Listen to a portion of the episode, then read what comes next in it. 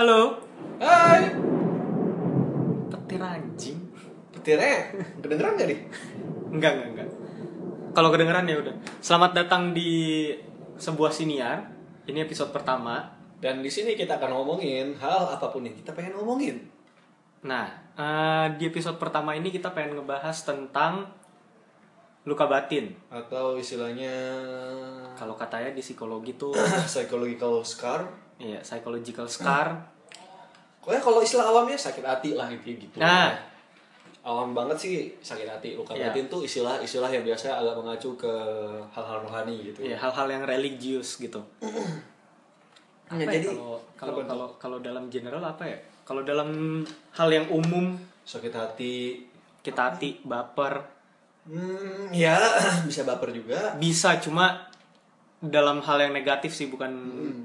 Dalam hal yang positif oke Mungkin lebih ke apa sih sakit hati tuh bingung juga ngomongnya apa ya sakit hati sakit hati gitu ya Iya, Mau sakit hati. gitu kan ya udah. heartbroken anjay ya broken heart heart eh, sakit hati kan perlu nggak selalu hancur hati sih ya. nggak tahu lah pokoknya intinya itulah luka batin lah ya bisa disebabkan oleh apa aja diputusin pacar eh, ditelantarkan orang tua di nggak dipedulikan sama temen dimakan sama temen atau mungkin juga ditikung sama temen itu juga mengakibatkan sakit hati. Bisa.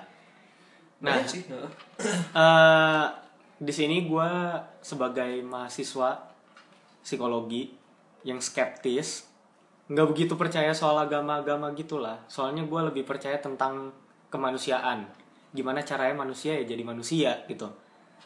Dan gue akan membahas gue juga mahasiswa psikologi Udah gua- sarjana. ya sarjana psikologi sih bukan mahasiswa lagi ya. Maaf sih emang gue gitu sih pikirnya masih muda ya. Gue akan membahas dari segi spiritualnya karena gue cukup sering berkecimpung di dalam dunia luka-luka batin seperti itu dan gue juga kebetulan juga pelayanan di gereja bagian pendoa. Jadi ya hal-hal kayak begini ya gue ngerti lah secara spiritual gimana. Dan ya akan juga gue bahas sih secara psikologi dan spiritualnya gitu. Oke, sebelumnya gue Kevin. dan gue Aldo panggilnya Sukasa. Jiji anjir. ya nggak apa-apa lah.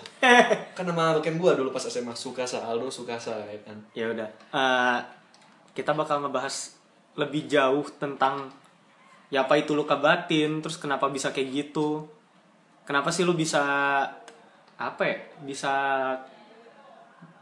bisa jadi depresi atau bisa jadi stres atau bisa jadi punya kelainan psikologis gara-gara luka batin yang berkepanjangan. Mm-mm. Itu bakal kita bahas semua.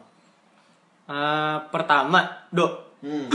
kalau menurut lo kalau menurut gue sih ya kalau menurut gue luka batin tuh gimana orang menerima eh, kata-kata yang negatif atau reaksi yang negatif dari orang lain sebenarnya nggak perlu negatif juga sih bisa jadi positif tapi orangnya salah nerima jadi orang bilang lah si penerima salah nanggep atau bisa jadi emang reaksinya emang negatif tapi maksudnya positif gue nggak tahu. Tapi si penerima ini nerimanya salah. Jadi dia bakal inget-inget itu terus tentang si pemberi luka batin ini. Mm-mm. mungkin sengaja mungkin enggak tapi ya kalau menurut gue sih sengaja atau enggak emang harusnya ya di di apa ya dikendalikan lah. Jadi kadang bukan dari si individu yang nerima ini juga yang salah kadang juga caranya si eh, pemberi ini si objek yang ngasih ini buat ngasih tahu orangnya salah juga gitu. Kalau menurut lo gimana? Ya itu benar sih ya secara secara apa namanya secara simpel begitu. Tapi ya kalau gua ngelihat adalah lebih ke arah kalau gua kan ngelihatnya susah ya, eh, su- ya emang sih orang juga menentukan. Misalnya interaksi si A disakiti sama si B nah salah si B juga tapi juga ada eh, istilahnya bagian dari si A. Kayak contohnya gimana ya? Kayak misalnya si A itu ketinggian ekspektasinya terhadap si B tapi si B nggak bisa memenuhi ekspektasinya. Akhirnya dia sakit hati. Akhirnya dia luka batin. Akhirnya dia ya benci. Gue nggak mau ketemu lagi sama orang si B. Si B tuh contohnya apa ya? Si B tuh cowok si A tuh cewek gitu. Si B tuh cowok yang ke mana-mana pakai baju formal dan jadi si A ngeliat gue nggak mau lagi deket-deket sama cowok dengan baju formal karena itu mengingatkan gue sama si B. Jadi semua baju semua cowok dengan baju normal anjing. Semua baju cowok dengan baju normal kampret gitu. Semua cowok dengan baju formal nyebelin tukang mainin cewek atau semacamnya ya bisa kayak begitu dia kan itu ekspektasi sebenarnya kita kan nggak tahu Eh, si B maksudnya gimana si A maksudnya gimana belum tentu si B itu maksud untuk ma- apa ya, menyakiti si A tapi karena si A punya ekspektasi tinggi ya udah akhirnya si A yang baper gitu Kalau menurut lo si ya bilanglah si penerima ini Hmm? bapernya karena apa? karena ekspektasinya nggak nggak kecapai gitu istilahnya. Karena ekspektasinya. Nah, Heeh. Gimana caranya lo menghilangkan si ekspektasinya? Kadang kan orang ekspektasi ketinggian karena harapan dan kepercayaan kan. Mm-mm. Jadi kalau misalkan dibilang PHP, ya sebenarnya bukan PHP, emang maksudnya mungkin orangnya emang kagak pengen deketin juga gitu. Mm. Terus kalau misalkan kepercayaan, ya emang kepercayaan itu kan emang istilahnya kalau bahasa Inggris trust is goes both ways kan. Mm. Jadi kepercayaan tuh uh, ada timbal baliknya gitu. Mm-mm. Tapi biasanya kan orang sama orang yang diidolakan tuh kepercayaannya gak berbanding terba eh gak, gak berbanding lurus. Mm. Bisa jadi yang mengidolakan ya yang nerima, eh yang yang yang percaya gitu. Mm-mm. Itu kan susah tuh. Mm-mm. Gimana caranya bikin lo nggak luka batin kalau misalkan lo udah dikecewakan gitu. Mm-mm. Katakanlah kayak misalkan ada rapper gitu. Rapper ya oke rapper terus Terus habis itu rappernya bilang aja melakukan sesuatu hal yang buruk. Terus habis itu si orang yang mengidolakan ini jadi sakit hati gara-gara dia kayak gitu karena bertentangan dengan value yang dia punya gitu. Mm-mm. Itu kan sedih kan. Mm-mm. Nah itu kalau menurut lu sendiri, Mm-mm. menurut lu sendiri dulu deh, jangan menurut psikologi, nggak usah menurut uh, gaya-gaya religion gitu. Itu menurut lu tuh gimana cara nguranginnya sih? cara ngurangin ya? Nah itu kalau ngurangin itu istilahnya begini sih kayak menurut gua kepercayaan perasaan atau ekspektasi itu tuh kayak lu punya apa istilahnya ya? Terlalu lu punya harta gitu. Terlalu lu punya harta 10 juta. Dan kalau lu cuman kasih ke satu orang ekspektasinya 10 juta itu ke satu orang doang tuh orang yang macem-macemin 10 juta lu bawa kabur ya udah kan lu gak punya apa-apa lagi istilah gitu kan. Hmm. Ya menurut gue adalah lu ya udah lu bagi 10 jutanya itu ke banyak banyak hal gitu atau atau banyak orang. Ke si A misalnya satu juta ke si B misalkan 2 juta ke orang yang lebih lu percaya 7 juta misalkan yang lebih ada pembagiannya. Jadi jangan sering kali yang gue gua temuin ya adalah orang yang sakit hati atau luka batin itu karena dia terpaku sama satu orang doang. Pokoknya udah pokoknya dia yang paling salah. Jadi seakan-akan eh, si korbannya ini si penerimanya ini eh, melihat ke satu orang itu ya pokoknya itu orang berkuasa sekali atas gua gitu. Pokoknya apa-apa ya dia. Kalau nggak bukan dia yang lakuin gua nggak mau. Seakan-akan dunia cuma dia gitu. Dan eh, ya itu yang tadi gue bilang perumpamannya kayak duit gitu ya. Lu bisa taruh di bank A bank A bangkrut ya lu kecewa sama bank A dong. Tapi kan sebenarnya bisa kan lu bagi eh, ada bank A bank B bank C bank D bank E sampai F gitu lo taruh lah ya. Dan itu kan ada lu bisa lihat ini bisa gue percaya nggak ya? Ini bisa gue ini nggak ya untuk mengulangi ke me- menanggulangi luka batin yang berikutnya gitu sih Jadi daripada lo ekspektasi ke ketinggian, mendingan ekspektasinya dibagi gitu. iya gitu Oke oke. Eh, kalau secara secara apa ya? Secara psikologis dulu deh. Secara psikologis tuh sebenarnya apa sih yang bikin orang jadi kena eh, kena luka batin, kena psychological scar? istilahnya kan kalau psikologi itu kalau pakai pandangan humanistis ya karena kan ini kan melihatnya humanistis sekali ya kalau menurut gua. Eh, dia melihatnya adalah idealnya dia ideal dia akan sesuatu idealnya dia akan dirinya akan orang lain akan lingkungan sekitarnya dan dia lihat realitanya dan tentu akan ada gap dari yang ideal sama realitanya itu. Dan gapnya itu dia nggak bisa dia nggak bisa terima bukan idealnya atau realitas sekarang tapi yang dia nggak bisa terima adalah gapnya ya misalkan gue berharap Indonesia jadi negara yang cinta damai gitu nggak ada konflik ternyata di Indonesia konflik juga masih ada gitu dan Realitanya realitanya eh, berkonflik, berkonflik idealnya nggak ada. idealnya nggak ada Gapnya yang lo kecewain. Gapnya itu yang dikecewain Gapnya tuh kosong apa ada isinya? gapnya kosong apa ada isinya nih nih nih ngam- ngambang juga ya ada Enggak nih, maksudnya kan gini. Heeh. eh yang misalkan baliklah ke negara Indonesia gitu ya Mm-mm. Realitanya kan ada konflik kan Mm-mm. tapi idealnya kan nggak ada kan Mm-mm. ya berarti kan lo harus berperang sama gap itu nah gap itu tuh gabungan antara dua-duanya Hmm. atau apa yang lo lihat sekarang which is kalau misalkan lo lihat sekarang berarti itu realita kan Mm-mm. nah gapnya itu apa Gapnya itu isinya gitu isinya. Ah, ah. Gapnya itu yang ada di kepala lu sebenarnya sih. berarti lo kecewa sama perspektif lo sendiri ya Perspektif sama perasaan lu sendiri sama istilahnya lu melihat melihat realitanya itu dari satu sudut pandang doang. Lu gak melihat dari apa eh, nggak melihat secara keseluruhan. Kayak misalkan lu ngomong iya Indonesia kok konflik mulu sih konflik mulu. Ya karena bisa aja lu nonton TV-nya TV A.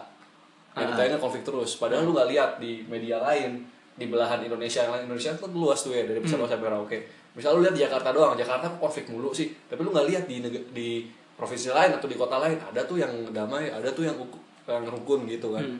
nah itu kan bisa dengan lu melihat realita yang lain itu kan bisa membuat ya ternyata idealisme gua itu masuk akal ya idealisme itu gak sejauh itu ya dari realita ya gitu berarti intinya lo ngelihat uh, lo kecewa sama perspektif lo Mm-mm. Gara-gara lo ngelihat realitanya juga terlalu sempit Mm-mm. jadi lo nggak mau ngelihat realita yang lain ya lo jadi kecewa gitu Yep. Itu. terus kalau secara agama kalau secara religion lah secara rohani Secara rohani ya, ya kalau secara rohani sih gini, uh, manusia tuh kan dipercaya ada tiga ya, maksudnya tiga komponen, tubuh, jiwa dan roh. Tubuh tuh ya udah tubuh kayak ya kita makan, kita bergerak, Ya, kita fisiknya ya. fisik kan. Fisiknya ada. Jiwa itu kan pikiran dan perasaan abstrak. Roh itu lebih abstrak lagi. Roh itu kayak istilahnya uh, ya udah yang yang tahu roh manusia cuman Tuhan gitu. Manusia sendiri kadang nggak apa nggak ngerti pergolakan rohnya sendiri pergolakan rohnya gitu yang ngerti cuma Tuhan gitu kan dan dari yang gue baca orang itu bisa sakit tiga tiganya sering kali kan yang kita tahu oh sakit fisik nih. Hmm. atau sakit jiwa sakit jiwa uh, gangguan psikologis maksudnya ya. Tapi roh bukan juga bisa. serta merta lo masuk RSJ iya enggak? bukan lu serta merta masuk RSJ tapi roh juga bisa ini. Roh itu bicara soal apa? Hubungan lu dan perspektif lu dengan Tuhan. Hmm. Nah, kalau misalkan lu merasa Tuhan tuh Tuhan yang jahat, Tuhan tuh Tuhan yang menghukum, Tuhan yang menyiksa, Tuhan yang gak adil, Tuhan yang apa sih curang, Hmm. Tuhan yang tidur, Tuhan yang gak melihat, gak melihat ap- uh, ke- apa, yang gak membela orang-orang baik gitu kan. intinya, Intinya dalam sisi yang negatif Dari sisi gitu. yang negatif. Nah itu kan lu bisa, ya itu dari situ roh lu bisa kena gitu dari pikiran itu kan pikiran ya pikiran atau perasaan mungkin lu kecewa tapi itu juga ngaruh ke roh dan otomatis ngaruh ke roh ngaruh ke jiwa itu kayak menurut gua tuh trikotomi itu yang tadi tubuh jiwa dan roh itu semua saling berhubungan. Hmm. meskipun kita nggak tahu ya roh itu gimana ya. Karena emang dal masih dalam banget masih panjang banget bahasnya. Tapi itu semua ngaruh dan makanya kan sering kan kayak ada orang makan sehat hidup olahraga eh, hidupnya sehat olahraga tiap hari. Makan juga makannya nggak pernah eh, jarang banget jadi sembarangan jarang banget ya pakai pengawet. Tapi kena kanker juga tuh tapi ternyata kalau kita lihat misalkan di keluarganya keluarganya gak sesuai ekspektasi dia keluarganya mengecewakan dia ada KDRT jadi akhirnya dia sakit hati mungkin sama suaminya sama sama istrinya atau sama papanya sama mamanya nggak tahu kan. Akhirnya karena kesel kesel kesel kesel ditumpuk jadi kanker. Nah itu kan itu kan sakitnya ke akhirnya ke tubuh gitu. Dan tadi cuman ke jiwa. Tadi cuma di perasaan dan pikiran gitu. Dan kalau dari pendekatan agama kan istilah juga gimana ya kayak kan kalau dari karena gue Kristen ya gue jelasin secara Kristen ya. Kan kalau di Kristen kan ada tuh ayat yang tertulis jagalah hatimu eh, dengan segala kewaspadaan. Karena di situlah terpancar kehidupan gitu kan. Ya kak itu maksudnya kelola perasaan dan pikiran lu terhadap apa pun gitu. Karena lu bisa aja kecewa tapi kalau lu hidup dalam kekecewaan ya udah lu nggak ke mana-mana gitu. Kalau lu hidupnya dalam kekecewaan lu ekspektasi paksa orang ini orang ini orang orang dan orang ini sebenarnya nggak bisa gitu. Padahal atau mungkin kita nggak lihat effortnya dia seberapa tapi kita kecewa oh ini orang males oh ini orang nggak sayang sama gua. Padahal kita nggak lihat perjuangannya dia. Padahal kita nggak lihat di sisi lain hidupnya bisa aja dia berjuang untuk kita misalkan begitu kan. Dan dari situ kan akhirnya bikin kita kecewa nggak suka. Misalnya taruhlah figur otoritas ya. Yang paling sering gue hadapi adalah namanya juga anak muda gitu young people zaman now gitu kan. Dari zaman old juga ada sih sebenarnya. Ya kan? Eh, konflik orang tua dan anak gitu. Anak remaja atau pemuda gitu atau masih anak-anak misalkan berasa bapaknya nggak sayang berasa mamanya nggak sayang gara-gara nggak dibeliin mainan. Padahal ya bisa jadi karena papanya nyimpen duit mainannya itu untuk dia sekolah gitu kan. Untuk beliin dia yang lain. Tapi dia mikir gue mau mainan A gitu gue mau bundam yang harganya 5 juta gitu. Daripada 5 juta kan bisa buat kuliah gitu lebih berfaedah. Tapi kita nggak ngeliat misalkan gitu. Dan dari situ kan jadinya banyak yang nggak suka sama papa mamanya apalagi milenial ya. Kalau gue ngeliat milenial tuh dengan segala ide-idenya tapi gue juga banyak lihat milenial yang dari ide tersebut ya ide tersebut lahir dari kekecewaan mereka sama generasi sebelumnya. Hmm. dan ya kecewa nggak apa-apa nggak masalah gitu. Bukan berarti lu harus mengagungkan si uh, sosok otoritas lu tapi ya nggak mesti kan lu kecewa dan gua harus memberontak gitu kan. Uh, harus lebih daripada orang tua Da- dalam umur lu sekarang misal umur lu 24 tapi lu pengen lebih daripada orang tua. Ya ya akhirnya lu stres gitu kan. Misal orang tua bapak bapak bapak lu sultan gitu ya. Punya aset 7M gitu kan habis menang main AOV gitu kan. Ya kan habis menang main AOV punya aset 7M terus lu 24 24 tahun gitu. Kayak baru lulus gaji baru paling ya taruhlah 5 juta gitu. Gue pengen punya aset 7M sebelum umur 25 ya Mati aja. ya, ya menurut lu aja gitu. Ke- gak tahu sih kalau misal lu main AOV lagi atau mungkin ikut kuis apa dapat 7M ya udah. Tapi kan ya ada cara natural kan. Dan akhirnya lu kecewa sama bokap. Gue pokoknya harus ngalahin bokap. Gue pokoknya harus ngalahin nyokap karena mereka punya 7M gue harus membuat bikin suatu cara. Ini ini contoh ekstrim ya. Ah. dan ya akhirnya kan bikin hubungan lu dengan orang tua nggak baik. Dan istilahnya juga lu mikir ke Tuhan kayak eh Tuhan nggak adil nih.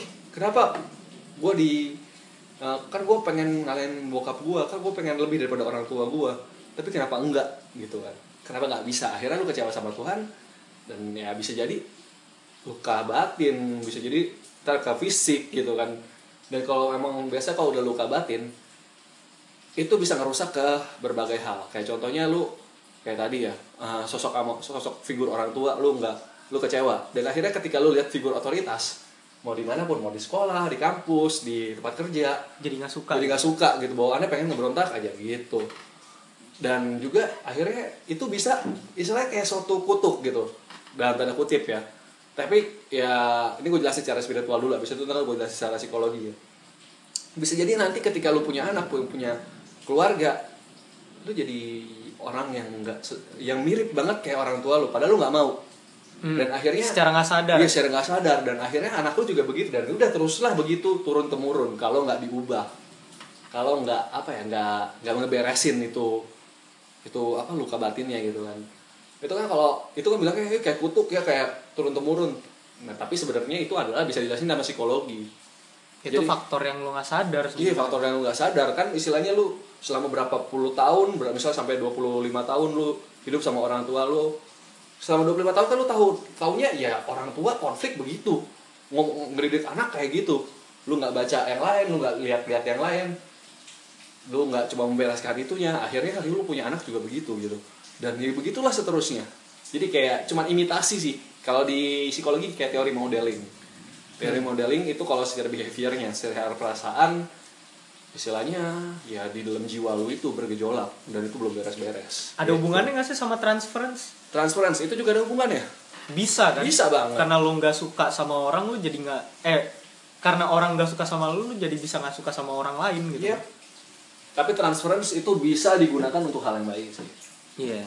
Kayak misalkan, oh gue dulu pernah ditelantarkan sama bokap nyokap gue, contoh begitu ya.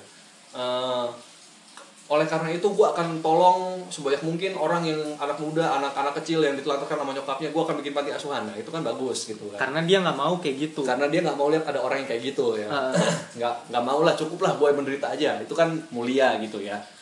Nah, balik lagi ke luka batin, ya di sana dan akhirnya kalau luka batin itu gak diberesin, perspektif kita ke Tuhan juga ngaruh banget dan istilahnya ya kita dipenuhi oleh energi energi energi negatif.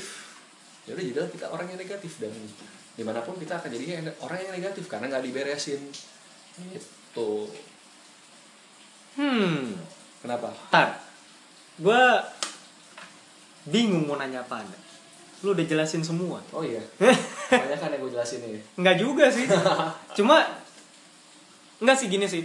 Eh, kebanyakan orang gimana ya? Banyak yang eh, banyak orang sukses yang apa sih? Yang sukses Hmm. itu gara-gara dulu itu balas dendam. Hmm. Tapi itu balas dendamnya karena mereka ngebuktiin kalau mereka nggak kayak gitu gitu. Hmm. Cuma kan ada juga kan yang nerima kenyataan kan. Hmm. Let's be honest, berapa berapa orang yang gue kenal kayak gitu. Hmm. Dia ngerasa kalau dia nggak bisa, terus habis itu dia nggak mau kerja, nggak mau ngapain. Ya kita ngelihatnya males, mungkin dia punya luka batin juga. Tapi kan orang-orang jadi nggak suka kan karena dia nggak ngejelasin kan. Hmm. Dan masalahnya Hmm. orang-orang yang kayak gitu tuh kebanyakan selain males mereka jadi merasa berkuasa. Hmm. Eh, apa sih hunger, hunger for powernya gede gitu. Ah. Padahal istilahnya tuh dia nggak punya apa-apa tapi dia mau ngehak milikin semuanya. Ah. Itu ya menurut gue sih agak-agak apa ya? Gue nggak bilang bodoh sih cuma apa ya shallow ya shallow shallow lu tau nggak Eh, picik gitu Ah. Picik. orang-orang kayak gitu kan terlalu picik kan Ah. tapi ya gimana hidup hidupnya pengen dikasianin Ah. tapi di saat dia dikasihanin sama orang lunjak gitu kan kadang kan itu kan terbentuk dari luka batin juga kan Ah. nah kalau menurut lu tuh itu tuh sebenarnya apa ya sebenarnya tuh trait-trait yang kayak gitulah itu benar-benar dari luka batin doang apa ada faktor lain sih Ah, kalau di psikologi kan istilahnya nurture versus nature, ya kan? Ah. Nah, tapi kan susah tuh ya neliti gen. Hmm. Nature itu kan gen. Susah banget kayak lu neliti neliti gen. Ya gimana gitu? Masa gen lu wajarin kan susah gitu. Hmm. Atau pakai kedokteran, dokter pun juga baik yang pusing. Ini gen misalnya orang dengan gangguan psikologis, bapaknya skizofren. Anaknya belum tentu skizofren tuh, tapi cucunya di keberapa ntar skizofren lagi. Iya. Ya kan? Ya gen kan nggak melulu langsung turun jebret. Lebih ke karena psikologi itu lebih banyak imitasi ya. Lebih banyak ke bukan maksudnya imitasi itu mengimitasi perilaku orang lain kita ngeliat Hmm. kita apa dan akhirnya kita lakukan. Bisa jadi ya karena dia ada luka batin itu mungkin dia ngelihat orang seseorang mungkin di di mana yang dia kenal oh dia bisa sukses dengan cara picik gitu ya. Oh dia bisa apa namanya bisa kaya dengan caranya picik gitu ya korupsi lah apalah nyogok lah gitu kan. Ya ya itu. Dari situ kan mungkin dia ngeliat dan akhirnya ya udah gue lakuin itu aja deh. Kayak nggak apa-apa. Gitu hmm. faktor lain sih faktor eksternal juga bisa ya. Iya sih faktor-faktor lingkungan Hmm. faktor apalagi ya ya dari orang tua lu juga misalkan atau dari orang-orang di sekitar lo yang deket sama lu kalau menurut gue ya Hah? terlalu banyak apa ya, terlalu banyak ngampunin Maksudnya? istilahnya dia terlalu apa sih kalau di kalau di pola asuh di psikologi kan ada ada yang neglected ada yang permisif ya Ah. nah orang-orang di sekitarnya terlalu permisif jadi dia jadi ngelonjak ya bisa juga begitu karena apa ya bisa dibilang gak gak apa ya gak gak biasa gak biasa dikasih kata enggak istilahnya gitu. Dan ya itu sebagai sebagai orang yang paling tua di situ atau anak yang paling tua lu punya power di situ. Jadi lu ngerasa kalau ya lu mesti dihormatin ya padahal Heeh. kan dihormat ya lu dihormatin orang karena lu punya sesuatu yang pantas gitu kan. Hmm. kalau misalkan lu nggak pantas ya lu minta orang hormatin lu terus. Sedangkan lu juga nggak pantas dihormatin ya buat apaan gitu kan. Orang Bisa. juga bakal mikir kalau itu ya sia-sia banget gue ngormatin lu. Lu nggak bikin apa-apa gitu kan. Bisa juga dari istilahnya dia ditolak terus. Jadi dia mencari penerimaan yang benar-benar gue pokoknya mau diterima. Fear of rejection, ya? karena karena di reject terus selama hidupnya. Dan dia pengen cari pengen orang yang terima. Jadi makanya ya dia sok-sok kuasa lah sok-sok apalah supaya ini lu terima gue dong gue begini adanya gue gue gue se, se- sehancur ini lu harus terima gitu. Gitu. Su- susah sih sebenarnya. Iya. Jadi Hah? apa ya? Selain selain ngebahas tentang luka batin sih ada ada sih yang pengen gue bahas juga. Hmm. itu salah satu alasan dari luka batin. Hmm. eh, kurangnya awareness. Heeh. Tentang mental health gitu Ah. tentang kesehatan mental seseorang Ah. atau simply gara-gara em, nyangkal aja gitu Heeh. nyangkal atau ya emang dasar bebal aja Heeh. yang pertama gue bahas sih gini Eh, kurangnya awareness terhadap mental health tuh simply gara-gara apa ya orang tuh orang tuh belum percaya kalau misalkan lu ke psikolog atau ke psikiater itu berarti lu nggak gila gitu Heeh. banyak orang yang bilang kalau lo ngapain ke psikiater? Lu emang udah gila gitu kan? Yang enggak juga kalau misalkan lo emang pengen curhat gitu kan? Heeh. atau misalkan lo emang pengen menenangkan diri dulu bisa aja kan? Heeh. terus yang kedua selain itu ada sih yang yang pengen gue tanya juga ke lo. Kenapa sih orang ada yang bebal gitu nyangkal nyangkal orang kalau emang dia udah dia udah ke psikolog nih berkali-kali nih ke psikolog.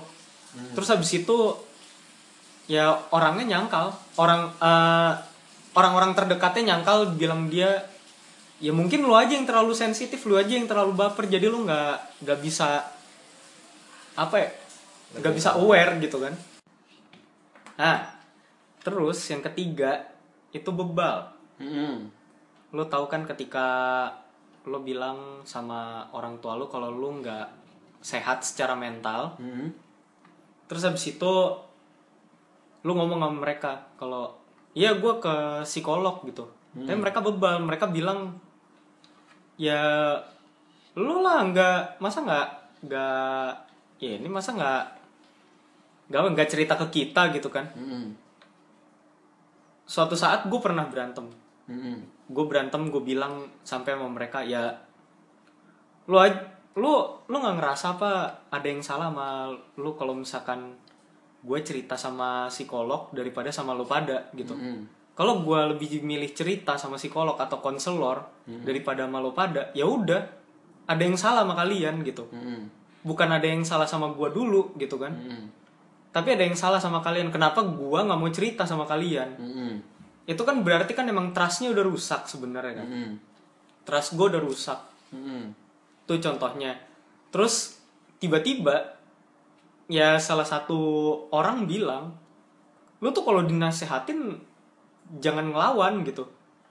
Diem aja dengerin aja gitu kan. Hmm. nah gue kadang suka bingung juga kenapa gue disuruh diem sedangkan dia cuma denger cerita dari eh, satu pihak doang.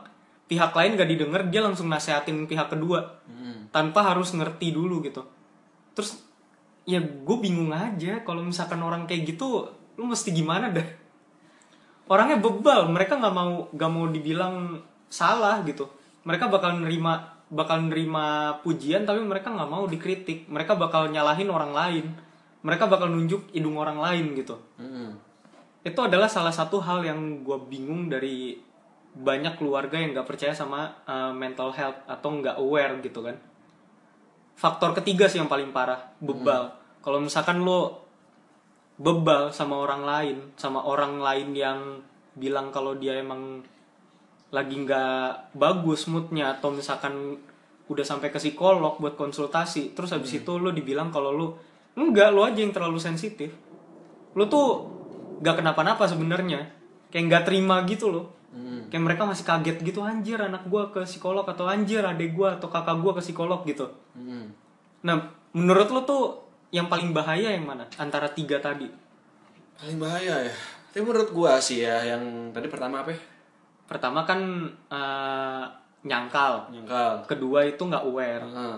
eh terbalik nggak aware dulu Nggak aware, nyangkal, baru bebal. itu nyangkal ketiga bebal Menurut gua sih itu semua proses gitu loh. Awal lu nggak aware, terus akhirnya lu nyangkal, akhirnya lu bebal.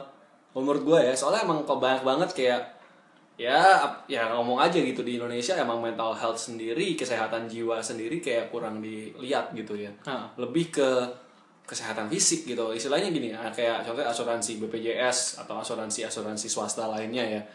Ya kan nggak jarang banget tuh kayaknya oh gue ke psikolog bisa dibayarin bisa diklaim. Gue ke konselor bisa dibayarin. Enggak kan? Enggak nah soalnya ya ya nggak tahu juga sih ya. Nggak tahu deh nih eh, mikir gimana orang-orang di sini Mungkin karena kalau lihat dari faktor sejarah atau mungkin faktor apa ya istilahnya ya?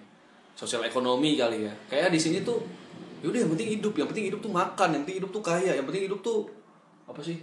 Punya harta, yang penting tuh hidup tuh apa tapi enggak lu nggak mikirin kalau hidup tuh stres lu mati gitu Iya, nggak kayak mereka mereka cuma melihat kayak yang materi doang. Yang sifatnya ya kelihatan Ya sifatnya kelihatan, tapi yang nggak kelihatan kayak mereka nggak nggak gitu peduli gitu.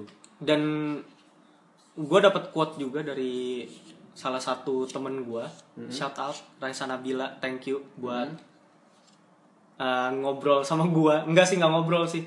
Dia uh, gue DM di Instagram. Hmm. terus habis itu ya udah kita ngobrol tentang hal itu. Tiba-tiba dia ngeluarin Instagram storiesnya Hmm. tentang gimana psikologi itu eh gimana kesehatan mental tuh underrated. Dia bilang kalau lo gak pernah mukul secara fisik bukan berarti lo gak pernah nyakitin orang secara mental. Hmm. dibilang gitu. Dan gue juga ngerasa kalau orang-orang di Indonesia tuh kayaknya emang kurang sadar sama kesehatan mental juga. Dan ngerasa kalau misalkan psikolog itu kerjaan yang istilahnya fana banget tai fana. Fana. ngawang banget tuh pertama Heeh. selain ngawang kedua kerjaan psikolog adalah ngajar Oke. jadi banyak serius itu stereotype banget jadi kalau misalkan jurusan lo ngawang kalau teknik lu masih bisa ngeliat kan wah insinyur bisa benerin mesin atau bisa bikin jalan atau bisa bikin alat elektronik gitu kan tapi apa yang kurang di Indonesia salah satunya adalah pekerjaan yang sifatnya nggak kelihatan yang sifatnya istilahnya nggak berbentuk material Hmm.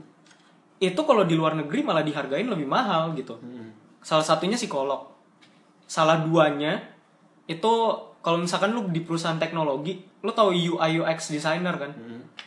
itu nggak cuma UI UX designer doang tapi ada salah satu psikolog yang lihat juga Hmm. itu dampingin mereka biar biar bisa ngelihat kalau desain itu udah ergonomik apa belum istilahnya ergonomik apa ya bisa dibilang ya itu desainnya udah nyaman apa belum Hmm. buat sebagai tampilan antar muka kalau bahasa Indonesianya Hmm.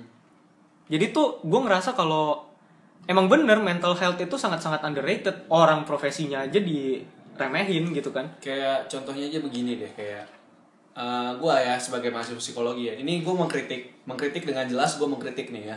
Gua mengkritik eh lulusan psikologi contohnya, lulusan psikologi di perusahaan. Taruhlah company-company yang gede gitu. Jadi apa sih? Admin. Admin lah jujur ya nih, ini gua kritik serius, gua kritik, gua ngomong admin mah lu gak perlu bayar S1. Lu bayar aja lulusan SMA. bisa gitu kan Ini bisa diajarin kayak gitu gak ada psikologi-psikologinya. iya Jadi admin ngapain? Admin HRD gitu ngomong-ngomong. Sisi lain gini deh, HRD kan Human Resource Development gitu. Tapi yang gue lihat HRD di Indonesia, ini gue bukan maksud merendahkan ya, tapi ini gue mengkritik, bukan maksud merendahkan. Gue menghargai profesi HRD, rekrutmen atau analis, OD atau segala macam. Tapi sekarang gini aja kayak masih ini deh HRD itu kan Human Resource Development. Tapi kayaknya jarang banget gitu kayak ada eh, konselor atau psikolog perusahaan gitu. Paling perusahaan-perusahaan yang udah ya istilahnya multinasional multinasional pun nggak semua gitu loh dan padahal itu penting loh stres di tempat kerja. Kan kayak istilahnya HRD ya HRD apa sih? Rekrutmen. Ngetes orang. Lihat nih orang cocok nggak di divisi ini? Cocok nggak sama dengan perusahaan? Iya bener. Emang itu praktek psikologi. Tapi di satu tempatnya itu supaya dia nggak stres gimana? Lu tahu nggak sih stereotip orang HR apa? Dibilang gajinya paling telat. Heeh. gajinya paling kecil. Tapi musuh satu kantor. Iya. Soalnya ya belum mencat. Iya. mencat orang apa. orang. Terus habis itu ngurusin soal gajinya. Mm-mm. ngurusin soal disiplin. Mm-mm. Which is sebenarnya itu kerjaan-kerjaan yang sebenarnya nggak psikologi banget gitu.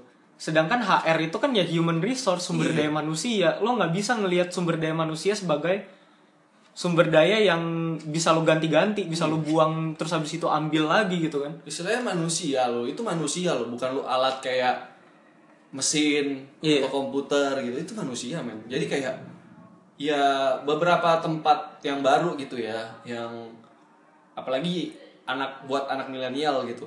Itu udah mulai banyak banget yang istilahnya yang istilah orang-orang muda ya kantornya begitu dinamis. Ada playroom lah ada apa. Hmm. yang emang orang bisa di sana tapi masih banyak banget kantor-kantor yang enggak. Bukan masalah budget atau gini deh. Gini deh sekarang gua gua gua, gua ini aja gua kasih saran ke kalau misalnya ada pemilik perusahaan yang denger ini gitu.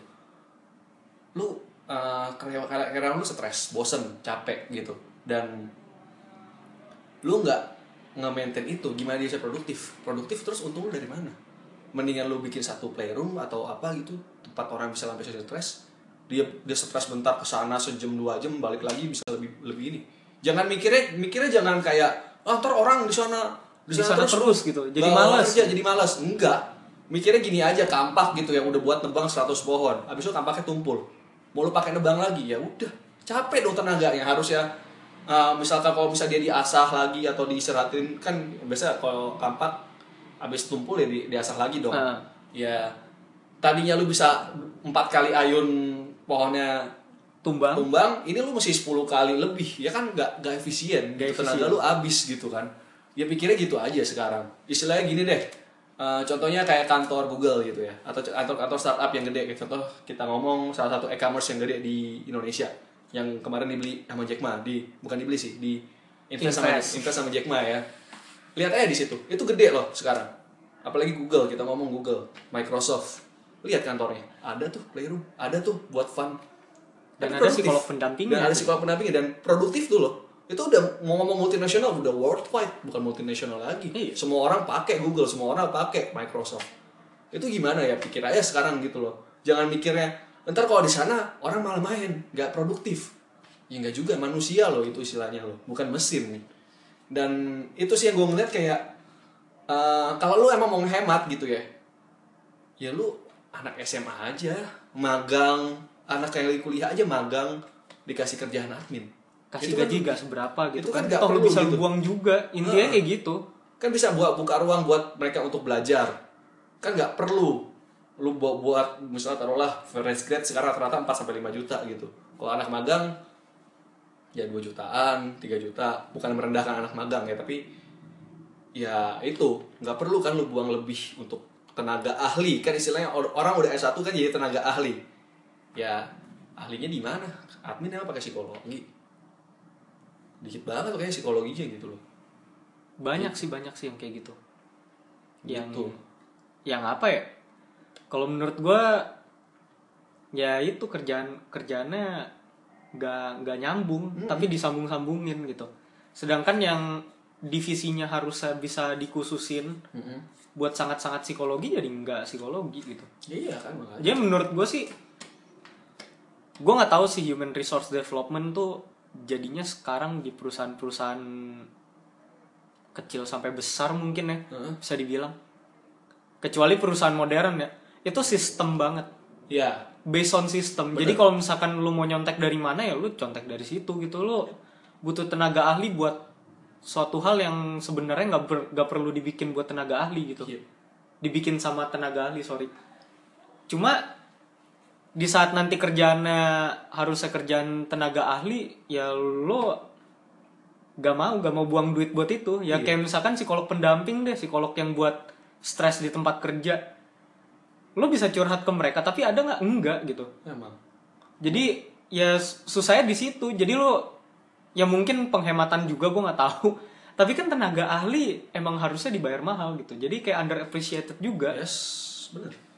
Ya gue concern sih di situ sih. Maksudnya lo jangan memperlakukan manusia kayak in, in general ya. In general nggak nggak dalam kerjaan doang atau apa dalam keluarga pun gitu. Lu jangan memperlakukan manusia tuh kayak suatu bentuk fisik songgok daging doang gitu. Hmm. di saat mereka stres terus habis itu mereka nggak mau cerita sama lu mungkin ya emang stresnya gede banget gitu. Hmm.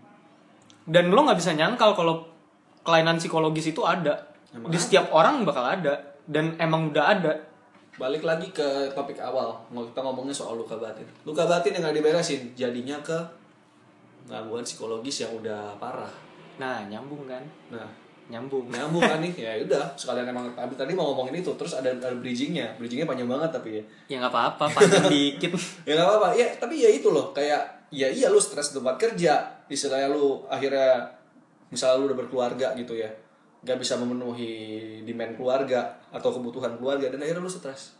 Terus habis itu misalkan lu di PHK gitu di Iya. kantor mati banget kan? Ya udah terus ya udah jadi gila. Bukan gak, gak gila sih maksudnya belum tentu gila belum tentu gila belum tentu gila sampai kayak yang orang-orang ya waham-waham dikit lah. Ya waham dikit lah gitu nggak sampai yang kayak dimasuk RSJ jadi delusi kayak ya gue tuh titisan Tuhan yang ke sini dan gue memegang bumi dengan tangan gue ada kan tuh waham yang udah parah ya.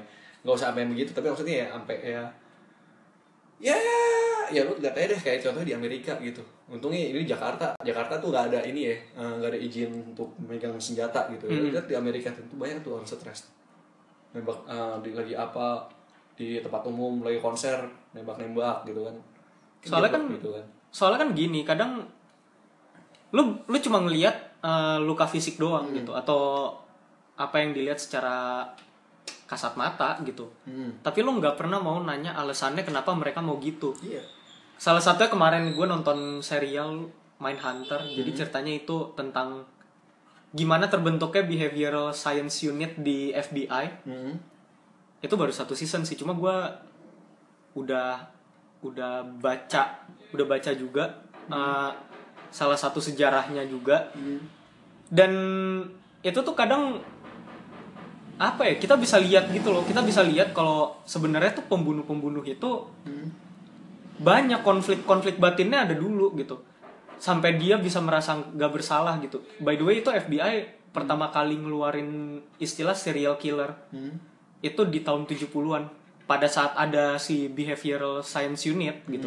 Itu menurut Mindhunter ya. Kalau menurut faktanya kayak sama gitu. Cuma lo harusnya ngelihat sebenarnya ya luka fisik tuh iya. Lo harus lihat rumah sakit ada gitu kan. Hmm. tapi luka batin tuh juga ada. Luka yang ada ditimbulkan oleh orang-orang secara psikologis tuh ada. Kalau dibilang tentang apa ya? Hmm. bilanglah lo lu jadi orang yang senseless kalau misalkan lu mukulin orang lain gitu. Terus habis itu karena orang lain itu senseless terus habis itu lo asal bilang orang gila gitu ya lu tahu nggak alasannya kenapa dia mukul kayak gitu? Itu pertama. Kedua lu tahu nggak masa lalunya dia gitu? Lu nggak bisa asal main judge aja gitu. Lu nggak bisa asal main hakimin aja. Yep, bener banget. sedangkan ya di keluarga juga banyak yang kayak gitu kan. Orang orang gila dikit. Ya gak gila gak gila gimana sih? Mungkin orang melakukan eh, kekerasan fisik.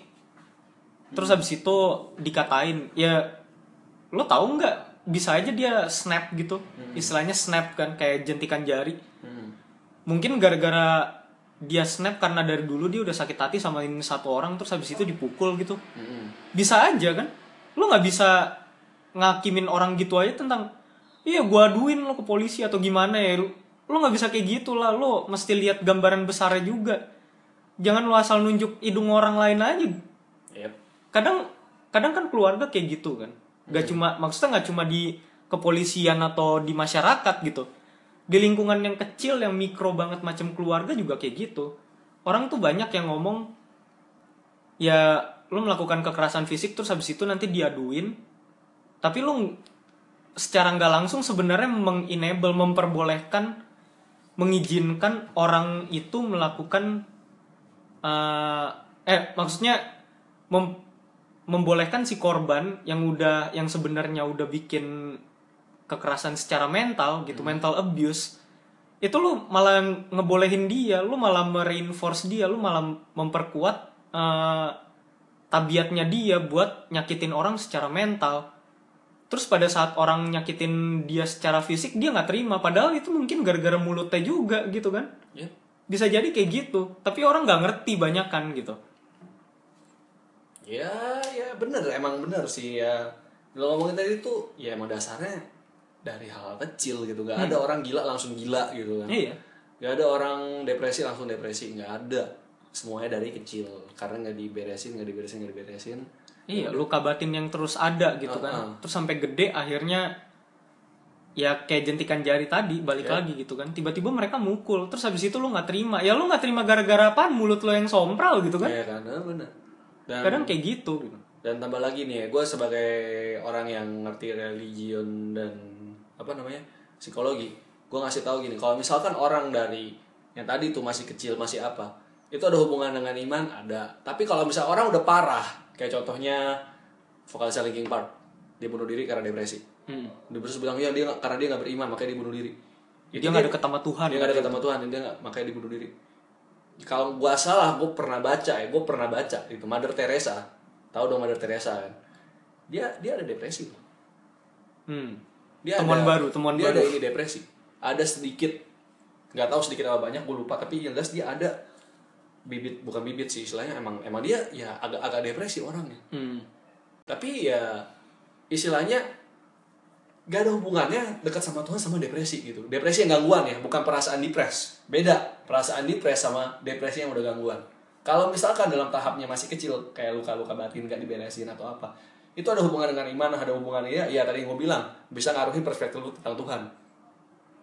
Tapi kalau misalnya orang yang udah parah ya dia mau ke gereja pun contohnya. Dia mau sembahyang pun dia mau baca Alkitab mau baca Al-Quran tiap hari atau gimana ya itu akan tetap ada karena itu bagian dari dirinya Hmm. dan ada hubungannya sama iman enggak kalau dalam konteks dia udah gangguan tapi kalau dalam konteks dia masih kecil masih apa ya udah itu bisa diberesin dengan pendekatan religius juga bisa pendekatan sosial juga bisa terserah bisa Dan- pilih mau mana gitu kan Dan ada lagi kan kayak misalkan ya lu aja yang kurang pengharapan gitu. Kalau Ah. misalkan kayak kasusnya si Chester Bennington ya, Heeh. Linkin Park. Tuh kalau misalkan lu bilang ya lu aja yang kurang pengharapan ya masalahnya bukan kurang pengharapan, keluarganya bahagia gitu Iya. ya. Keluarganya udah seneng-seneng ya gua nggak tahu sih pasti ada kan masalah keluarga kan satu atau dua di dalamnya. Tapi yang gue lihat mereka adem ayam, Heeh. Terus habis itu eh, si Chesternya juga orang yang sangat-sangat baik katanya. Beberapa fans juga mengapprove rekan kerjanya macam Mike Shinoda dan kawan-kawannya juga bilang dia orang yang baik gitu. Dan lo tau gak sih, lo lo udah pernah nonton belum videonya yang berapa jam sebelum dia bunuh diri? Itu ada, dia videonya masih ketawa-tawa, ngobrol sama istrinya sama temen-temennya, sama anaknya juga. Terus habis itu dia ketawa-tawa, tiba-tiba berapa jam kemudian bunuh diri. Ya depression has no mood gitu, Yeah. no mood. Dia nggak tahu mau lu moodnya lagi seneng atau gimana. Kalau emang udah suicidal thoughts pengen bunuh Yeah. diri, dia bakal ngelakuin Yep. Gak ada hubungannya sama iman, gak ada hubungannya sama kepercayaan lu, gak ada hubungannya kedekatan sama Tuhan dengan depresi atau bunuh diri. Itu ya gimana ya? Udah udah berarti kan udah dicoba segala cara tapi gagal gitu kan. Terus habis itu lu bilang lagi punya pengharapan. Pengharapan apa lagi yang mau ditimbulin dari situ kalau udah gagal semua? ya itu yang gue bilang kalau dalam udah udah sampai gangguan ya udah terima Mm-mm. terima aja dan istilahnya terima itu sebagai bagian dari diri lo gitu. Tapi kalau misalkan itu masih masih apa istilahnya ya? Gue juga bingung deh. Masih perasaan-perasaan kecil yang bisa diberesin beresin segera gitu. Dengan pendekatan apa pun terserah. Mau tunggu gila mau tunggu parah ya bisa jadi telat gitu kan. Mm-mm. bisa jadi gitu. Dan gue juga pernah baca siapa tuh? Gue lupa deh. Ah ya ada satu tokoh pendeta. Eh, dia salah satu istilahnya pendeta yang tahun 4, 30 40-an tahun 30 40-an ya sampai tahun 50-an dia pendeta yang sangat-sangat luar biasa. Ketika dia khotbah dia ada kebaktian itu banyak orang sembuh. Kesembuhan ilahi gitu ya kesembuhan secara mujizat. Dan tapi dia sering depres dan akhirnya dia meninggal kenapa? Karena kebanyakan minum alkohol. Mm. kenapa? Karena ada rasa depres mau ngomong dia nggak dekat sama Tuhan. Mau ngomong dia nggak apa? Nggak nggak punya iman. Nggak punya pengharapan. Lah itu loh istilahnya ini buat lo yang Kristen apalagi yang karismatik gitu lo doain orang aja belum tentu sembuh kan Ya ketagihannya jadi pelarian sebenarnya kan. Iya, ya, karena ya bisa jadi apa? dari awal, dari awal nggak diberesin. Makanya akhirnya jadi kayak begitu. Tapi ya, ya makanya gue bilang tadi kalau dari awal ya udah se- se- segera mungkin dengan apa pun caranya gitu, mau kognitif terapi, mau rational emotif terapi, mau secara spiritual, mau secara apa bebas banyak cara gitu. Hmm. Sesuai dengan lu maunya yang mana gitu, cocok sama lu, sama lu gimana gitu sih. Atau kalau lu mau enteng ya ke konselor dulu iya, gitu kan. konselor dulu nggak apa-apa ngobrol aja gitu. Ya tapi jangan ke konselor sekolah juga gitu. iya, kalau konselor sekolah bisa sih, tapi paling akan di refer ya kayaknya kamu Iya harus harusnya ke- di refer dan itu kayak nyampe nyampein lu kan. Iya, heeh. Tapi kan buat yang masih sekolah nih kalau misalnya denger gitu ya udah um, ke guru BK dulu ya udah manfaatkan lah itu fasilitas guru BK gitu kan. Iya. kecuali ya guru BK-nya ya begitu. Kalau misalkan Iya, guru BK-nya nggak BK bener juga susah kalau kan? guru BK nggak bener ya udah susah. Gitu. Mendingan kalau ke masih- konselor langsung. Heeh, kalau masih yang bener ya udah nggak apa-apa. Gitu ya. Udah nih simpulin aja lah ya. Ya udah simpulin lah. Bung- bungkus bungkus. Bungkus. Eh, kalau menurut gue pribadi sih luka batin tuh sebenarnya di diakibatkan dari masalah-masalah kecil yang makin lama makin gede Mm-mm. dikumpulin sebenarnya Mm-mm. terus eh, di saat di saat orang itu udah apa ya udah menggila lah istilahnya udah menggunung banget eh, problemnya ya pilihannya cuma dua Heeh. antara lo nyakitin diri lu sendiri atau lo nyakitin orang lain gitu Heeh. atau ya pilihan ketiga ada sebenarnya lu bisa uh, lu bisa nyalurin ke hal-hal yang positif tapi itu kayaknya udah nggak mungkin gitu kan Heeh. karena ya kalau misalkan lu udah luka batin tuh sebenarnya bisa disembuhin tapi kalau kelamaan ya susah gitu kedua luka batin itu adalah salah satu yang lekat dengan persoalan-persoalan macam iman tentang agama lu sendiri gitu Hmm. Eh, bukan agama sih kedekatan lu sama Tuhan juga Hmm. yang kedua adalah eh, kedekatan lu dengan diri lu sendiri. Hmm. yang ketiga itu menurut gua apa ya orang-orang sebenarnya sekarang harus lebih waspada sih kalau bahasa Indonesia ya. Kalau bahasa Inggrisnya harus lebih aware. Harus lebih aware sama kesehatan mental seseorang gitu. Hmm. di saat mereka lebih hostile, lebih moodnya lebih jelek atau apa ya bahasa Indonesianya hostile tuh lebih lebih apa ya? Gak tau gue juga lupa. Hostile, memusuhi, memusuhi ya. Iya lebih lebih negatif sih Negatif intinya. lah, itu ya permusuhan gitu lah ya. Ah, lebih lebih negatif. Pertama lo mungkin harus nanya dia kenapa. Hmm. Kedua mungkin lo harus nemenin dia. Kalau mereka misalkan nggak mood, si orang yang negatif banget ini nggak mood atau gimana, dan dia pengen sendiri, biarin dia sendiri dulu. Tapi pantau gitu. Karena tuh kesehatan mental itu awalnya dari pemantauan dan eh, kepedulian lo sama orang lain gitu. Lu ngomong soal empati, kalau misalkan empati lu buat hal yang negatif buat apa gitu kan? Misalkan lu berantem terus habis itu lu nggak suka sama itu orang, Hmm. diomongin sampai hal-hal yang gak penting juga diomongin gitu Hmm. tentang orang yang lu benci terus habis itu pada saat orang muak sama hal itu terus habis itu lu bilang ya lu harus berempati dong berempati my ass gitu Heeh.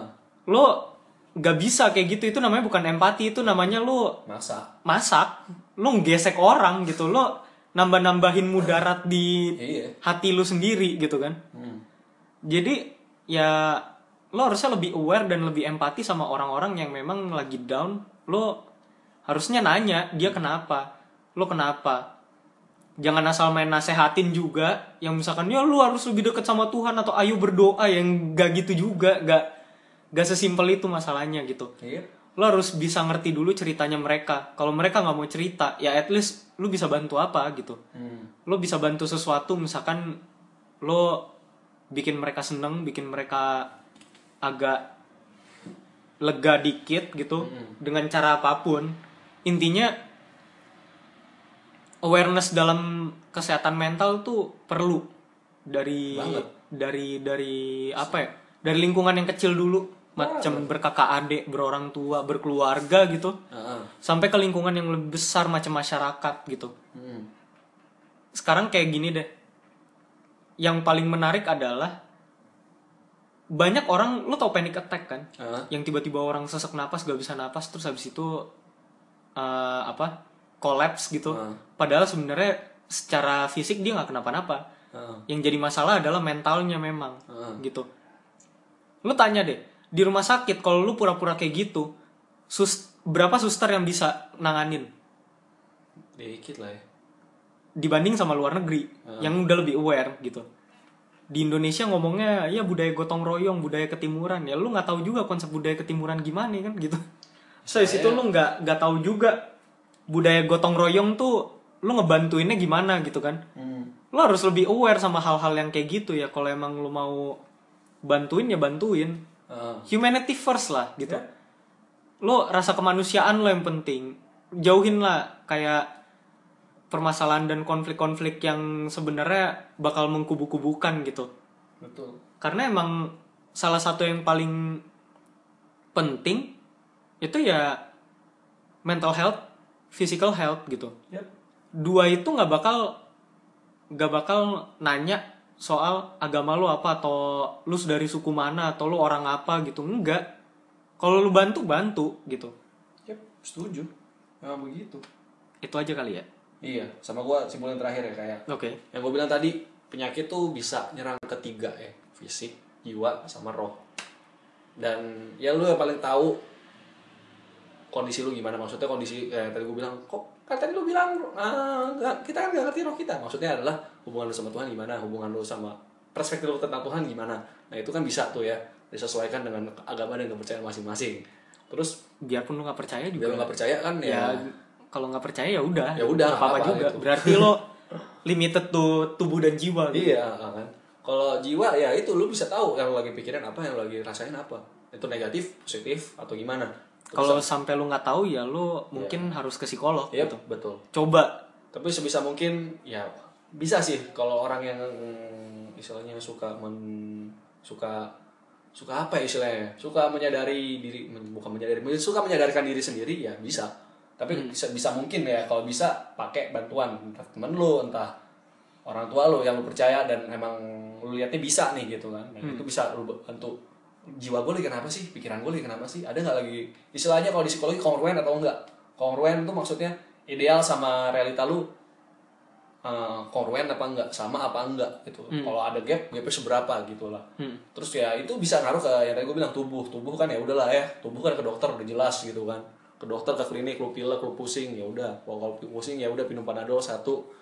Tidur. Tidur besok kelar gitu kan. Ah. ya jadi itu ya menurut gua kesehatan tuh ada tiga gitu nggak cuman melulu soal tubuh tapi jiwa dan roh juga gitu dan yang gue bilang tadi dari kecil maksudnya uh, luka batin dari awal pun ya udah sebisa mungkin beresin kalau emang mungkin untuk beresin kalau emang nggak mungkin untuk beresin silakan cari ke profesional gitu. atau sebenarnya lu bisa benerin sendiri sih Yep. dengan cara ya either lu melupakan atau memaafkan tapi ya dua-duanya punya resiko sendiri dua-duanya punya konsekuensi sendiri buat ditanggung sama lu gitu. Dan itu itu tadi ya melupakan atau mema apa tadi? Mau mengampuni atau melupakan. Mengampuni atau melupakan itu proses. Gak bisa lu kayak iya misalnya diputus si pacar iya gue mau memaafkan. Besok langsung maafin. Nggak belum tentu. Saya situ besok langsung jadian. Anjir. Ya, itu itu gua Luar biasa ya? itu enggak itu biasanya aneh gitu ya. Dan- jadi istilahnya adalah kayak ya namanya juga jiwa gitu. Jadi kalau misalnya lu ada temen lu nggak belum move on move on udah berapa bulan. Jangan "Oh, lu kok nggak move on move on sih? Ya istilahnya inget tubuh aja butuh recovery. Biasa orang sakit apa misalnya habis luka kecelakaan tangannya patah butuh berapa bulan untuk balik lagi kan? Eh, istilahnya ada waktu recovery-nya jiwa juga sama ada, ada waktu waktu ada masa ada penyembuhannya. masa penyembuhannya gitu. Jadi nggak bisa lu kayak misalnya temen lu galau mulu. Lu kok galau terus sih? Ya menurut lu aja jing. menurut lu aja gitu. Dan bisa jadi emang pribadinya dia ya orang-orang orang yang melo nggak nggak nggak apa kok orang melo gitu orang yang perasa sensitif nggak apa-apa itu nggak masalah. Itu sama bagusnya kok kayak sama orang yang yang nggak pedulian sama perasaan orang yang cuek orang yang optimis gitu kan. Itu orang yang pesimis. Iya itu sama gitu menurut gua. Itu ya udah komponen dari diri lo pribadi lo ya gitu aja sih. Itu dari gua lah kesimpulannya gitulah ya. Oke. Oke ya. Eh ini udah berapa berapa lama? Lama banget kayaknya. Ya. nggak tahu. Kayak udah sejaman nih. ini episode pertama episode bro pertama udah sejam ya udah. Kalau Ya udahlah. lo mau dengerin dengerin sampai habis. Tapi ya bisa dibagi-bagi sih. Kalau misalnya 20 menit lagi di busway silahkan tapi bisa sambil boker ya silahkan sambil tak asal jangan sambil ujian. Ntar dikira nyontek ya kan? Ya. Gitu. Salah satu kata-kata mutiara dari Aldo Santa. Dosa apa? Gitu ya udah oke eh, sampai di sini aja. Minggu depan kayaknya bakal ada lagi. Betul. Dan bakal dikonsistenin. Yup. Minta kritik dan saran jangan kritik singkong. Tapi boleh sih kalau dikirim. itu keripik pak itu keripik. Di alamat di bawah ini. Nggak ada ini bentuknya tulisan. Eh tulisan ini bentuknya suara doang. Ya udah gitu aja. Eh, thank you udah dengerin sama kita sampai habis. See you on the next episode Ciao. Yeah. bye-bye.